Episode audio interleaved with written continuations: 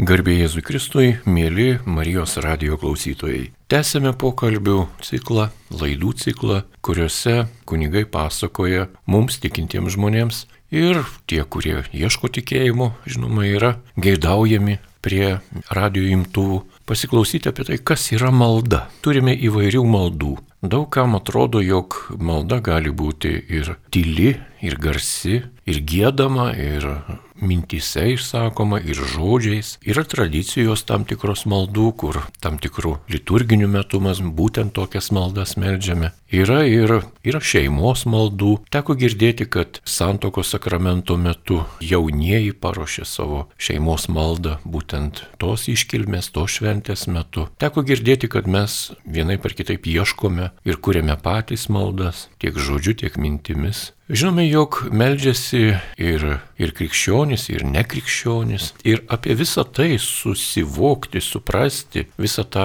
nepaprastai platų dvasinio gyvenimo lauką šiandien mums sutiko padėti jėzuitas kunigas Mindaugas Malinauskas. Ir aš sveikinuosi su juo, garbė Jėzui Kristui, gerbiamas kunigė Mindaugai. Per amžius amen. Taigi vėl klausome jūsų išvalgų, jūsų patarimų apie tai, kaip turėtume gyventi maldoje, su malda ir per maldą, su savimi sugyventi, su savo artimu ir su Dievu. Tai labai gera tema ir ją reikia kiek galima aktualizuoti, būtent, e, kad gauti įkvėpimą didesnį melstis ir e, ne tik kaip e, kažkokį priedą, e, netgi tokį pavyzdį turiu, buvo pakviesti komunijos besiruošiantys, besiruošiančių vaikų tėvai kartu irgi dalyvauti mišiuose.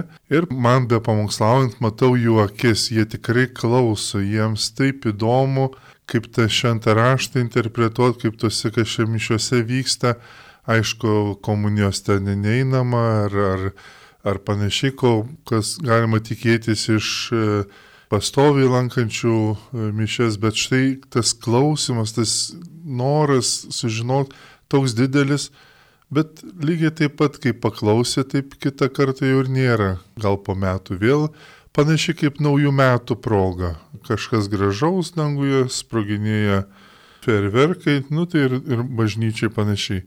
Kai tuo tarpu mums malda turėtų būti gyvenimo tiesiog, nežinau, kas aleksyras, degalai ar, ar apskritai būdas, malda kaip gyvenimo būdas.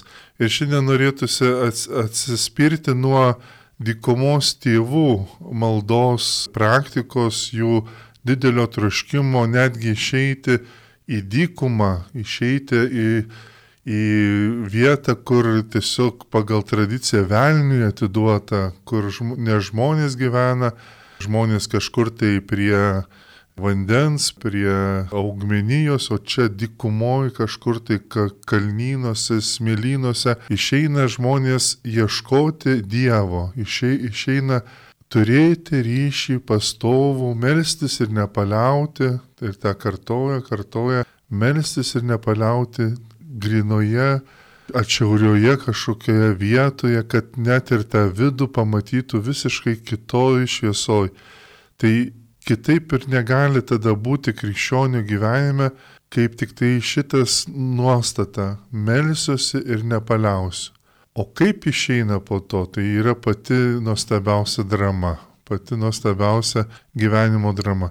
Jeigu tik malda tampa kaip priedas prie gyvenimo, kaip tik tai kažkoksai, nežinau, drus, druskos kažkoks pakaitalas tarsi būtų patiekalui, tai, tai viskas labai ne, esmė prarandama.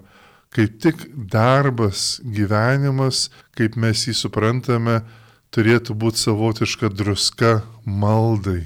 Vat tuo, tuo gyveno dykumos tėvai, nes maldoje viskas vyksta esminiai dalykai net jeigu ir svarbu, ir iš tikrųjų svarbu patarnauti ir artimui, ir rodyti meilės darbus, niekur kitur negaunamos jėgos kaip tik iš maldos. Niekur kitur negaunama įkvėpimas išmintis, pati išmintis, kaip dirbti, kaip pasitarnauti, kaip mylėti, nes būtent jų pavyzdys dikumos tėvų taip ir parodo, kad, kad jie atsitraukia nuo pasaulio, o kartu atranda tą pasaulį visai kitoje šviesoje. Tiesiog pats pasaulis tada eina pas juos į dykumą klausti, o kaip mums gyventi.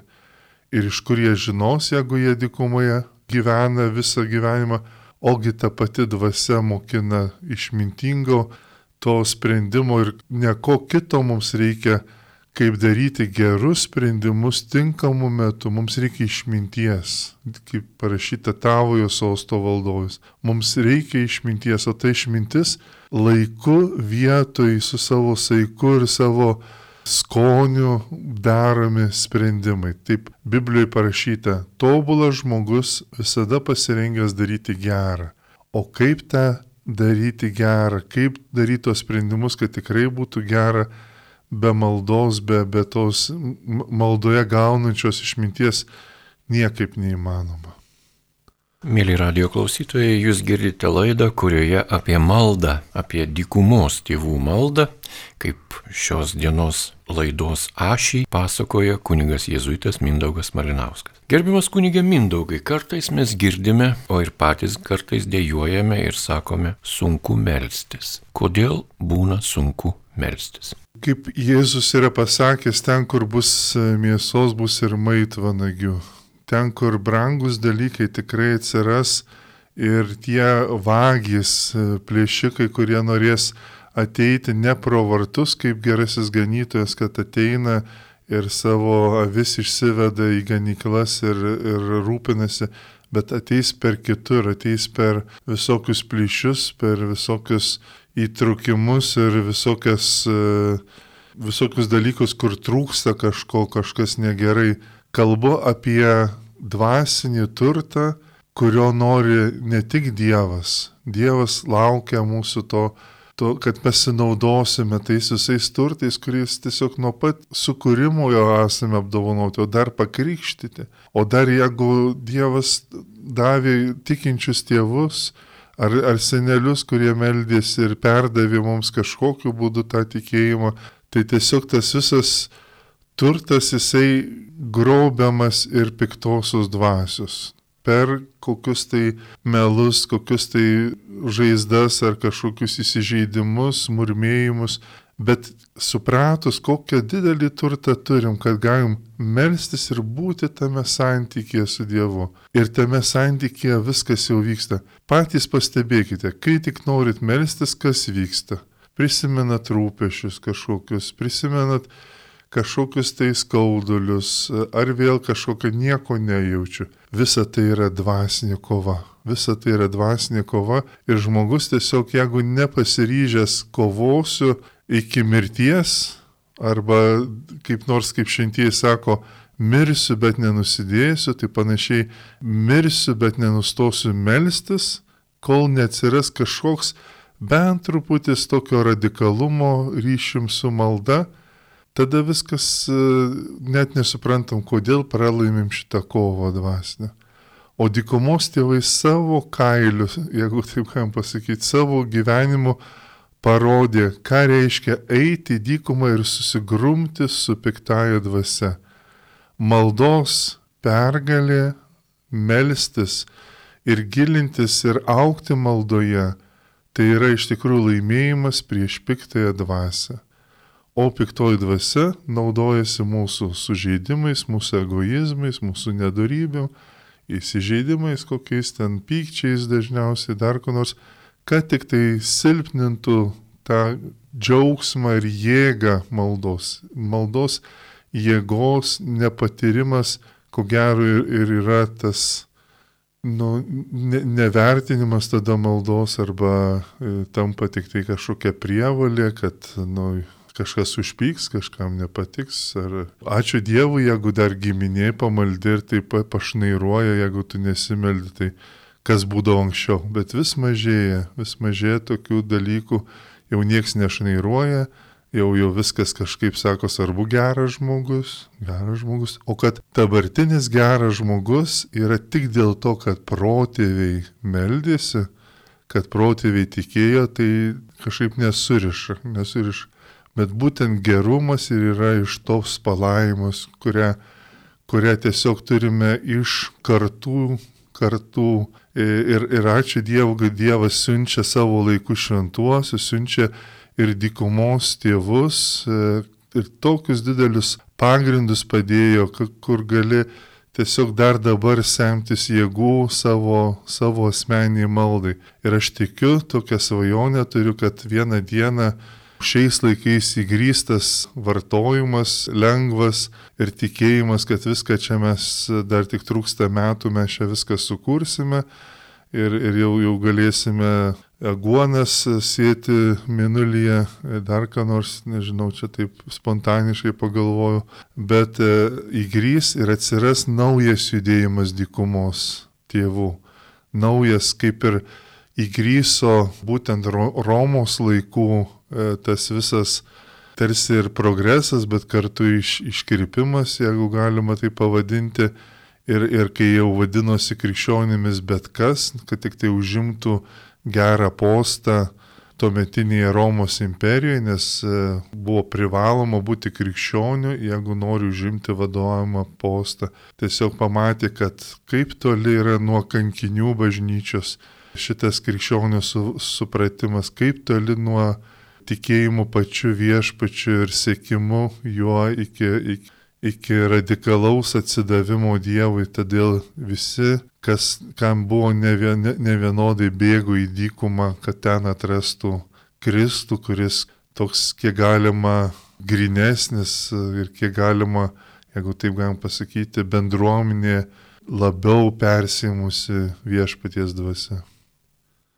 Kalboje apie maldą mums tenka išgirsti tam tikrus ir pasakojimus, istorinius pasakojimus arba išgyvenimų žmonių, kurie vienokiu ir kitokiu būdu meldėsi, kaip jau pasakytume, radikaliausių gyvenimo metu, tai yra galutinėje tokioje stotelėje, kai bombarduoja kažkas, kai karas vyksta. Teko girdėti, jog antro pasaulinio karo metu berliniečiai slėpėsi aviacijos bunkeriuose, tai Berlyno žmonės, vaikai, moteris, senukai, o Rusijos dvi armijos, Konnevo ir Žukovo, šturmavo šį miestą ir rodė, rodė galę raudonosios armijos. Tai Tai buvo tokie sunkus išbandymo laikai ir tas žiaurumas, nuožmumas, besaikis, sakykime, smurto naudojimas, jisai buvo tuo metu tiesiog akivaizdui. Žmonės meldėsi, meldėsi bunkeriuose. Ir iš šio pavyzdžio aš noriu paklausti jūsų. Yra sakoma, jog yra išmelsta vieta, maldos vieta, šventovė, koplyčia, šventykla, bazilika, kapinės, ar koplytėlė namuose, ar kur kitur. Bet ir būna tokios vietos, kurios nėra bažnytinės. Bunkeriai, povandeniniai laivai, antžeminiai kažkokie įrenginiai, kurie yra labai pavojingi. Ir žmonės ten meldžiasi, ir meldžiasi tikintis, ir netikintis. Ir kaip mums reikia teisingai suprasti tą išmelstą vietą. O gal tai yra, gal yra nesąmonė sakoma tokiu būdu. Gal tai yra kažkokia erezija, kaip gali būti vieta išmelsta. Juk meldžiasi ne vieta, meldžiasi žmogus. Kai Švento Jono kongregacijos broliai atvyko prieš 30 metų į Lietuvą, tai jie atsidūrė Žemaičių kalvarijoje per švenčiausios mergelės Marijos apsilankimo atlaidus ir jie buvo šokiruoti tokiu dalyku, kuris mums visiškai natūralus. Eina žmonės kalnų liturgiją, meldžiasi, iš maldaknygės vieną giesmės stulpelį perskaito, o kitą atgroja triubočiai, triubus. Tai tie prancūzai kunigai sako, bet čia nesąmonė, tai triuba nėra malda. Tai nieko nėra. Tai kaip jūs tą viršūnę, tai buvo žinoma, viršūnė buvo, kai jie pasakė, jog vienoje giesmėje būtent Žemaičių kalnų tradicijoje jie atpažįsta marsielietės melodiją. Sako, su marsielietė buvo žudomi kunigai Prancūzijoje, o jūs ją tą melodiją naudojate ar panašią naudojate Dievui garbinti ir apmastyti jo kančią. Mums tai yra paradoksas, mes negalime patikėti tai, ką matome ir ką girdime. Taigi išmelstos vietos, Kaip tą reikia suprasti teisingai? Na, aš bandyčiau taip suprasti, kad e, maldoje, dvasiniam gyvenime dalyvauja ne tik tai protas, kaip čia pasakyti, tik tai kažkoks nušvitęs, nušvitęs protas. Ta pati ir dykumos tėvai atrado buvo ir viena grupė tokia labai labai pakilusi į tą išgrinytą protą, kur, kur kūnas tarsi ne, nereikalingas, dik, ta dikuma net nesvarbi, viskas nesvarbu. Kai tuo tarpu tuo pat metu buvo ir kita grupė, kur viskas integruojama ir, ir, ir, ir jausmai, ir, ir kūnas. Ir šitoj vietoje, ko gero, va, tas ir yra, kad ir dikumos tėvams sako, viskas byloja apie Dievą, viskas uh, Ir žinant tą visą tradiciją, kaip tėvas, e, dvasinis tėvas užauga ir jisai perdoda visą tradiciją, tai yra ne tik dvasia, ne tik tam tikri pamokymai, pavyzdžiai, darybių, bet ir ta visa nuklupėtos vietos, ta rutina, ta viskas diena iš dienos, begarbinant Dievą, viskas persima ir kvapai turi iš tikrųjų dalyvauti dvasiniam gyvenime visiškai kūnas, pilnai kūnas. Jeigu kūno ne, nėra dvasiniam gyvenime, tai kažkas, kažkas ne taip, kažkas tai ne, ne, neapėmė visko, susiskaldimas kažkoks yra. Tai taip ir manyčiau dėl tų šventų išmelstų vietų, jeigu ir tokios pavojingos vietos, tai aišku, ten labai daug veikia tiesiog prigimtinis toks įkvėpimas e, melstis arba mirti, nu, tai labiau laikomasi mirtim, egzistencijos tiesiog esmė, sujungti dangų ir žemę, net jeigu, nes jeigu tik tai bus brutali žemė, vėl kažko trūks, o jeigu viskas pakilėta tiek, kad, kad vėl kaip išbūti, išgyventi, tai turi labai tas jungimas būti ir Kristus iš tikrųjų krikščionybė tą ir, ir davė įsikūnijo Dievas save apiplėždamas iki visiško kūno ir kartu viską pakeldamas į dvasę, į Dievą.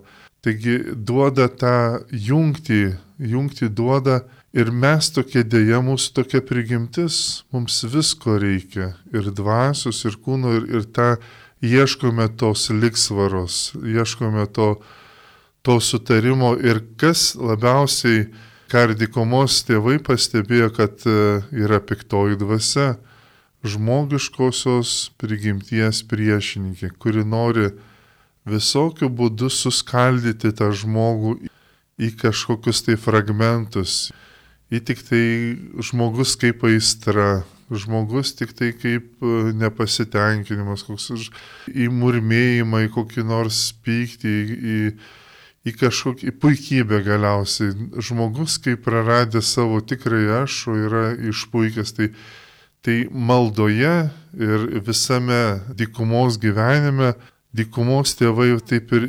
susikaudavo su ta piktaja dvasia, su tikėjimu, kad jie gali nugalėti su Dievo malone tą piktąją dvasę, kuri tik tai detalės rodo, tik tai prieštaravimus kažką, kažką nori, nori atskirti ir, ir į, į kažkokį kraštutinumą. Visos nedorybės yra kažkokie kraštutinumai. Vienos detalės paėmimas, o ieškojimas yra vidurio kelio, išminties. Išminties tada, kad sudėrėtų viskas ir, ir kūnas, ir, ir dvasia Tai to ir, ir mes siekiame, to, to norime, to aukso vidurio. Tęsime laidą, kurioje apie maldą šį kartą pasakoja apie dikumos tėvų maldą, pasakoja kunigas Jėzuitas Mindaugas Marinauskas. Ar galėtumėte priminti, kas tie dikumos tėvai ir kodėl jie tokie buvo? Tai kiek užsiminiau būtent, kad ieškant tos autentiškos krikščionybės arba naujų laikų, tai yra ketvirtas, penktas, šeštas amžiai, būtent Egiptas ir Palestina, paskui ta dykumos tradicija persikėlė į Europą, vystosi į, į vienolyjas. Ir būtent ta tradicija tokia ieškoti, ieškoti tikros, autentiškos krikščionybės, bet kartu tokia didelė dvasia buvo, nes Teoretikų buvo maža tarp jų, buvo vienas kitas Evagrius, ten dar kiti, kurie tokias teorijas kūrė, ką, tai, ką čia daro tie dykumos tėvai. Bet jie paliko tokį mums labai svarbę ir, ir mes mus ir Lietuvoje pasiekė dykumų tėvų pasakojimai, po tegmata patrum. Taigi yra daugybė pasakojimų, kaip jie gyveno tą krikščionišką gyvenimą kasdienybę. Ir mums tas pavyzdžio gavimas yra toks svarbus, tiesiog dvasia dvelkia.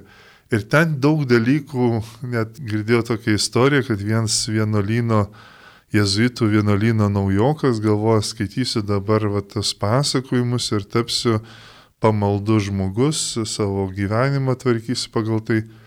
Paskaitė jisai porą tų pasakojimų jam tiesiog saugiklius iš, iššovė visus ir, ir, ir sako, čia yra arba didelė nesąmonė, arba neįmanomas dalykas. Kad ir tokie pavyzdžiai sako, nori, nori tarnauti Dievui, noriu, sako dabar, vat, įsmeigia pagalį į žemę dykumos tėvas, tai yra tas dykumos tėvas, tai jau vienuolis, kuris daugelį metų pats kovoja su su nedorybėmis, mokinėsis melstis ir dirbti diena iš dienos, tiesiog įgavo tokį pasitikėjimą kitų mokinių, kurie prie jo šliejasi ir, ir mokosi, kaip toliau, kaip gyventi, tiesiog perima patirtį. Na ir vienas iš tokių mokinių nori tos patirties ir sako, vat įsmeigia pagalį, sako dabar laistik du kartus per dieną, ryte ir vakare ir tegu šitas pagalys duoda vaisių, duoda, duoda obolių. Na ir, ir, ir čia jau gali svilti mūsų jau smegenys, e, nu apie ką čia viską. O tas e, naujokas gražiai e, neša vandenį iš tolimiausio šulinio ir vis laisto, laisto, laisto ir vieną dieną rašo istoriją davė vaisių, pražydo ir davė vaisių. Ar tai tikra istorija, ar netikra? Esmė, kokia yra ta laikysena. Tada sako, taip plačia sąmonė, nesąmonė, logika, nelogika. Gali ir pykti ir, ir tiesiog iššaukia pačius giliausius dalykus, kurie tiesiog proto ir jausmų srityje tiesiog parodo tai kuo mes iš tikrųjų tikim? Kas iš tikrųjų, jeigu aš norėčiau va taip susikauti su piktaja dvasia ir taip mokintis radikaliai melstis ir paklusti šituo atveju, kas manyje sukyla. Ir, ir iš tikrųjų dykumos tėvai ėjo į tą būklę tokią, kad sukiltų ir netgi ragina, sako, Jeigu pas tave ramybė atėjo į širdį, sako, tu esi jau, jau labai blogai su tavimi.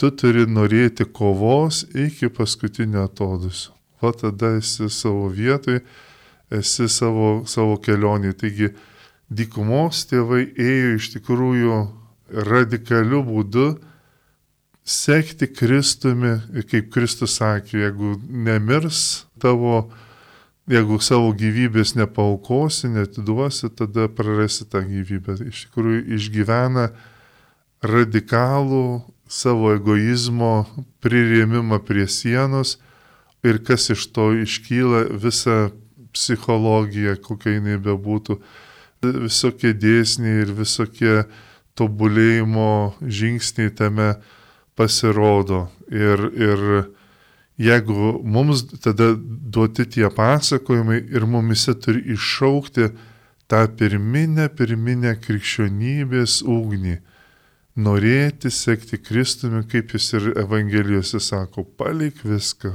viską išdalink vargšams, viską atiduok, tada sek paskui mane, sek tuo, kuris neturi namų, neturi kur galvos priglausti, atiduok savo gyvenimą, norėk tiesiog mirti. Tai buvo nau, naujas būdas e, kankinystės. Jeigu ne raudonoji kankinystė, tai baltoji ar, ar, ar kokia tai dykumos spalvos kankinystė. Ir, ir, ir šitą idealą turim giliai savo maldoje, savo svajonėse turėti. Jeigu nėra šitos, šito idealo, tada viskas tik tai yra kažkoks paviršius, patogumo ieškojimas, labiau ezoterika, galbūt panašu, labiau, labiau kažkoks toksai nusiraminimas, bet nesminis laimėjimas prieš savo didžiausią priešą tai yra egoizmą arba puikybę, kitaip arba netikrą aš, kuris okupuoja mūsų visą sąmonę ir, ir, ir širdį ir tiesiog kur širdis ten tada ir visas turtas. Jūsų pasakojimas paragino užduoti dar vieną klausimą. Girdime, jog kartais mūsų artimoje aplinkoje žmonės skundžiasi, sako, na va, nuėjau į bažnyčią, ten, žinot, kaimyno ir kvapas netoks, ir tas gėdojimas, kaip sakant, jau tokio laipsnio, kad jeigu išbūsi per mišes per tokį gėdojimą, tai tiesiai į dangų eisi. Ir taip toliau, ir taip toliau. Ir, ir kunigas žiūrėk nuo sakyklos moralizuoja ir taip toliau. Ir ką dabar daryti? Man geriau eiti tada į mišką, į pievas, į nydos kopas ir ten melstis su Dievu. Bet malda reikalauja kažkokių pastangų, reikalauja kažkokio nukentimo, nusižeminimo. Ar vis tik maldoje reikia ieškoti kuo patogesnio to, kuo maksimalesnio atsijungimo nuo šio pasaulio ir prisijungimo prie anapusinio pasaulio. Kažkaip ir anegdotą aš prisiminiau. Tėtis ir mama su savo vaiku sėdi bažnyčioje ir sako, tėtis, na, tas kunigas kaip ir nusišneka nelabai įdomiai išneka, nepasiruošęs, mama sako, vargonai pro šalį, gėdojimas irgi neįtema. O vaikas sako, nu kaip už tą vieną eurą, tai jie čia visai gerai stengiasi, labai, labai gerą produktą sukuria. Ir tai kažkaip panašiai irgi, jeigu iš to vartojimo pusės gaunasi, tai tikrai net nebandyk tada eiti į kažkokias dykumas. Ir būtent ar dar ką nors, nes, nes va tame ir viskas prasideda. Egoizmas, jisai toks yra mūsų džiaugiasi tiesiog, kai tik patogu. Dėl to aš sakyčiau, netgi gal, gal erezija ne, nebūsiu apkaltintas, bet, bet va, va tai pasvarstykime, ne? Jeigu viskas labai gerai sek, sektųsi gyvenime, viskas klotųsi, ar tas tikėjimas auktų mumise? Tai gal netgi kai sunku, dar kažkokia tai bėda, nu dar tada tas įsijungia pri, prigimtinės kažkokia baimė, kažkoks kažkas, dar kažkaip dūsauja, galbūt užčiuops va tą tikėjimo esmę kažkaip tai ir tada jau, jau, jau tada ir miško nereikės bėgs į bažnyčią, užsakyti mišių, nes, nes kai tik tai lengvai kažkas negerai, tai užtenka ir medžio apkabinti, netgi tie, kurie sako, aš gamtoj pabūnu, medį apkabinu, paklausiu, kada paskutinį kartą tai darai, nu jo senokai, senokai, reikėtų atnaujinti. tai irgi lieka tik tai idėjų toksai kratinys, tik tai kažkoks kažkas, o, o klausimas yra toks, ar iš esmės kažkas keičiasi, ar, už, ar per maldą užčiuopiu kažką. Pas dykumos tėvus ateidavo tiesiog pasaulio žmonės, negalėdami palikti pasaulio, jie klausė, duok tėvę žodį, duok tą žodį, su kuriuo aš galėčiau tiesiog keistusi mano, mano malda arba duok tą maldą, kurią galėčiau kartoti. Ir tuo pasižymėjo e, dykumos tėvų malda, širdies malda, ar Jėzaus malda, dar kaip nors strėlinė malda. Jie kartojo, kartojo vieną širdies maldą ir netgi pritaikydavo tam tikram žmogui rašto vietą, tam tikrą maldą ir ją kartodavo, kartodavo. Kas va čia tokį iš mūsų e, Lietuvos, gal amžinatris į tėvą Žerarą pažinojo, tai visi kartoja susitikimo su juo maldą, Jėzau, tu myli mane, aš pasitikiu tavim. Ir, ir kai tik išgirstu šitą maldą, jau supratau, jau buvo pas Benediktinus, pas tėvą Žerarą, kuris iškeliavo jau pas viešpatį, bet padarė tokią įtaką su, su tokia trumputė malda, kad, kad žmonės keičia gyvenimus. Tai, tai būtent kalba eina, ar kai melžiuosi, ar vyksta pasikeitimas. Ar čia mums labai svarbus dalykas, ar aš dabar sakau žodį Dievui, ar tas žodis turi galę jeigu jos nėra, jeigu nėra pasitikėjimo, jeigu nėra to, ir jeigu labai lengvai pasiduodam abejonį, kuri čia pat iškyla, nes mūsų e, apniukęs gyvenimas, ar koks jis bebūtų, ar bėgimas, ar tiesiog net nesusi, nesusivokiam, kas mumise ten skamba, ar mūsų priešų balsai, ar mūsų įsižeidimas, ar, ar nevilties šūksniai, ar te, kažkokios tai meilės, ar dar kažkokie dalykai. Viskas taip susimaišė, kad mes nežinom, kas yra Dievo balsas mumise. O tą Dievo balsą išgirsti mumise ir yra malda, kuri apvalo nuo, nuo visų kitų, kitus balsus nutildo. Ir mums reikia tokios maldos, kuri tą Dievo balsą iš, išryškintų, iš, tiesiog jis skambėtų, tiesiog žodis, kuris skamba ir, ir keičia. Netgi kažkokią tokią interpretaciją girdėjau, kad malda tai yra išėjimas į dykumą klausyti Dievo žodžio. Ir vieną kartą taip e, net įdomus patvirtinimas buvo, stabdžiau mašinas, kad nuvažiuočiau iš vieno taško į kitą, vasaros metas visi lekia kaip pasitė ir nieks nesustoja. O aš vieną valandą ir taip stabdau ir taip. Ir aš paskateina va ta mintis, aš esu kaip dykumoje. Aš, aš esu dabar dykumoje ir mano užduotis išgirsti žodį. Išgirsti žodį ir aš net nestabdydamas pradėjau mąstyti tokiam mintim melstis. Pati mašina sustojo ant didelio greičio, sustojo ir sako, ko ten stovi, važiuoja man nuobodu. Ir, ir dar, dar, man atrodo, žmogus buvo, kuris kažkuo ten vertėsi, gal stebėjo, ar policija kur nors ten kažkokios tai, nežinau, verslo ar juodo verslo kažkoks atstovas. Nu tai va buvo galimybė kažkiek apie Dievą pakalbėti ir, ir, ir panašiai, ką, kiek ten sugebėjau tuo metu. Taigi, va, maldoje tiesiog Dievas laukia, kad tik mes ateitume ant tam tikros minties ir tada džiaugsmas danguje, kaip sakė Jėzus, daugiau džiaugsmo dėl vieno atsivertusio negu dėl 99 teisiųjų. Tai va tas maldoje yra, yra, mal, yra nuotykis. Nuotykis. Nuo, toje maldoje turėtų mums kažkas ir atsiverti ir kas praeitį, kas ten įvyko, suprasti, kas laukia ateityje, į ką atkreipti dėmesį, už ką melstis. Dažniausiai duoda mūsų visokius priešus iškelia, nes juos, už juos reikia melstis, iškelia situacijas, Viskam reikia atmelsti, atmelsti, atmelsti, viskam, kad viskas gytų, pirmiausia, mūsų širdis gytų, nes visi tie įspūdžiai, jie ir poreikiai jie yra, jie vargina mus, jeigu nėra permaldaujama. Tam ir duota mums atmintis, duota, duota tas vidinis pasaulis. Tai dykumos tėvai sako, nu tikrai turi skirti laiką ir, ir, ir toks elementas sako, nori pradėti pirmiausiai atsisėsk savo celėje ir stebėk. Ir stebėk. Ir, ir čia labai daug kūno yra, labai daug to patyrimo, kad aš esu. Kiti moka didžiulius pinigus dabar eiti į kokius ten kursus, kur 10 valandų apie nieką masto ir, ir klupo ir dar, dar mokytojas su lasda gali užduoti, kad tu O čia viskas yra prigimtinai duota, pati dvasia padiktuoja. Būk, būdėk ir Dievas ateis.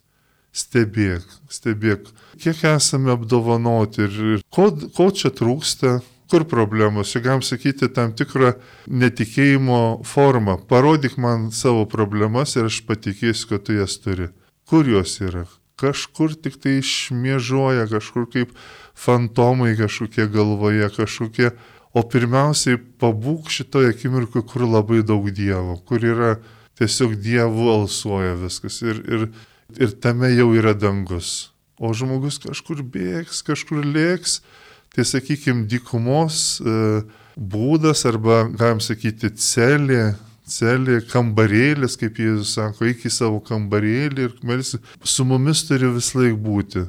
Mes turime 11 kapišonus, turi tokius, e, mes turime kažkokį irgi, nežinau, kaip arkliams užsidėti tokius šoninius dalykus ar dar ką nors. Ir mes jau esame tam kambarėlyje, toje celėje, kur susitinkam su, su tėvu ir jisai mato mus. Ir nuo to viskas prasideda ir, ir keičiasi.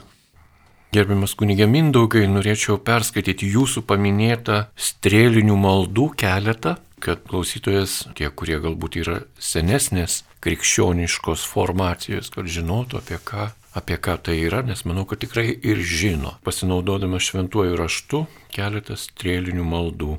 Iš Evangelijos pagal Joną, 21 skyrių, viešpatie, tu viską žinai, tu žinai, kad tave myliu Iš Evangelijos pagal Luką, 18 skyrių.